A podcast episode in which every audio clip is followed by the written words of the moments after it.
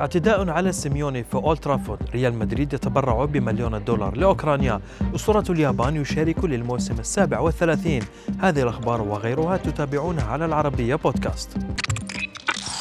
في منظر لا علاقة له بالروح الرياضية تعرض مدرب أتلتيكو مدريد دييغو سيميوني للرشق بقارورات المياه والفطائر من طرف جماهير مانشستر يونايتد بعد نهاية لقائهما في دور الأبطال. العديد من نجوم الكرة في إنجلترا استنكروا هذا الفعل وفي مقدمتهم ريو فرديناند نجم يونايتد سابقا. ومن المنتظر أن يسلط الاتحاد الأوروبي عقوبات على النادي الإنجليزي نظير هذه التصرفات.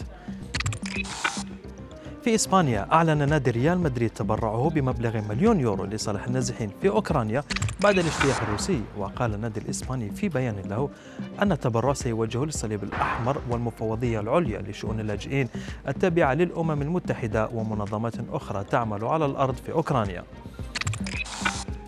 وفي مقاطعة كاتالونيا أعلن الغريم التقليدي لريال مدريد نادي برشلونة توقيعه لعقد ضخم مع شركة سبوتيفاي وهي الصفقة التي انتظرتها جماهير البارسا طويلا خاصة وأن التوقيع جاء بعد نشر الأرقام المالية السلبية لنادي برشلونة وسيدفع الراعي الجديد للبارسا 250 مليون يورو موزعة على أربع سنوات.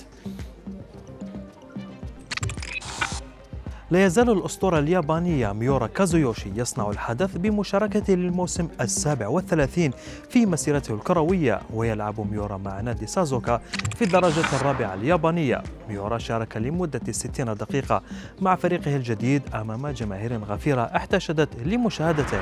ويسعى ميورا للمشاركة بشكل أكبر مع نادي سازوكا الذي يدربه شقيقه إياسوتوشي.